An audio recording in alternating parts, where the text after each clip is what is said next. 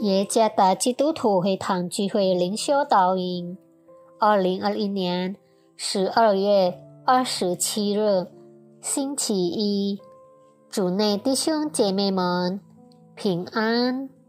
今天的灵修导引，我们会借着圣经以赛亚书第四十三章第二节来思想今天的主题。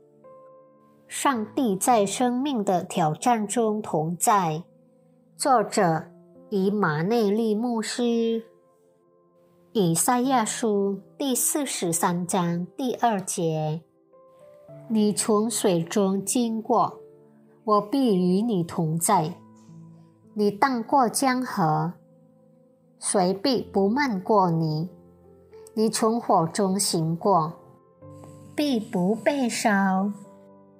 火焰也不着在你身上。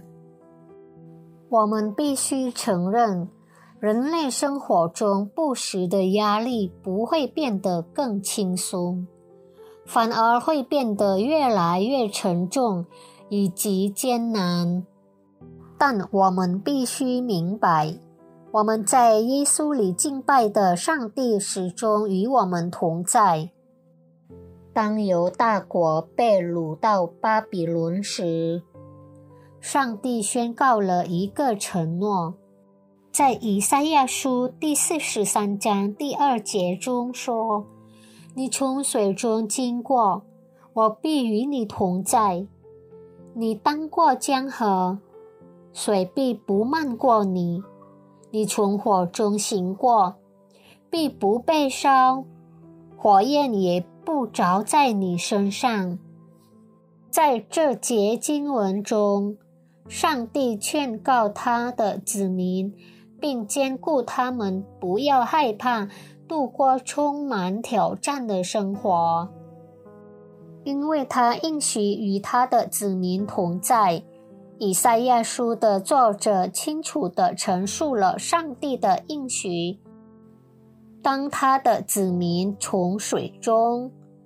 河流或火焰经过时，上帝将与他们同在。被掳到远离家乡的巴比伦，在巴比伦王的统治下，上帝也并没有抛弃他们。同样，我们作为上帝的儿女，他始终与我们同在。上帝并没有应许生活不会有任何问题，时刻快乐和安全，但他应许在面临每一个挑战中，始终与我们同在，并帮助我们。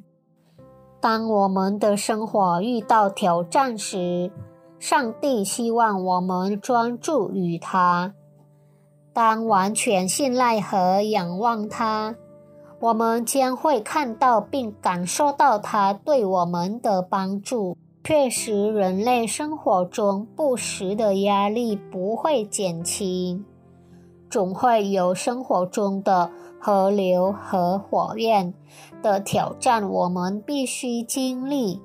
然而，让我们全然意识到，上帝不会离弃我们，他始终与我们同在。